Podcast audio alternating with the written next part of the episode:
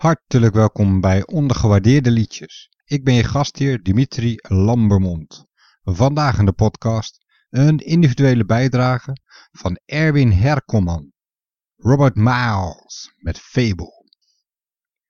Op dinsdag 9 mei ging een icoon uit de jaren 90 van ons heen. Robert Miles overleed op 47-jarige leeftijd aan de gevolgen van kanker. Hij was grondlegger van het genre Dreamhouse en scoorde met Children een gigantische hit in 1996. Een single die in datzelfde jaar een opvolger kreeg met Fable. Dat plaatje kende echter maar matig succes. Het kwam niet verder dan de 24e plaats in de Nederlandse top 40 en na vier weken was het ook alweer verdwenen. Het is jammer dat dat nummer uiteindelijk maar zo kort op de radar stond.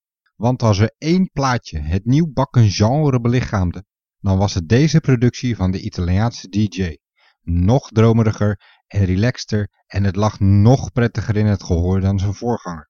Maar ook in de ons omringende landen kon het plaatje het succes van Children bij lange na niet evenaren. Misschien leek het ook te veel op elkaar, al was dat in de 90s normaal gesproken geen enkel probleem. Maar toch, toen hij voor zijn derde single One and One verraste door zijn melodielijnen uit te breiden met de vocalen van zangeres Maria Naylor, topte hij opnieuw de charts in diverse landen en scoorde hij ook in ons landje wederom een grote hit. Het succes van Fable stak daar dan maar schreeuw bij af. Daarom dit kleine podium voor het meest ondergewaardeerde liedje van Robert Miles, Fable.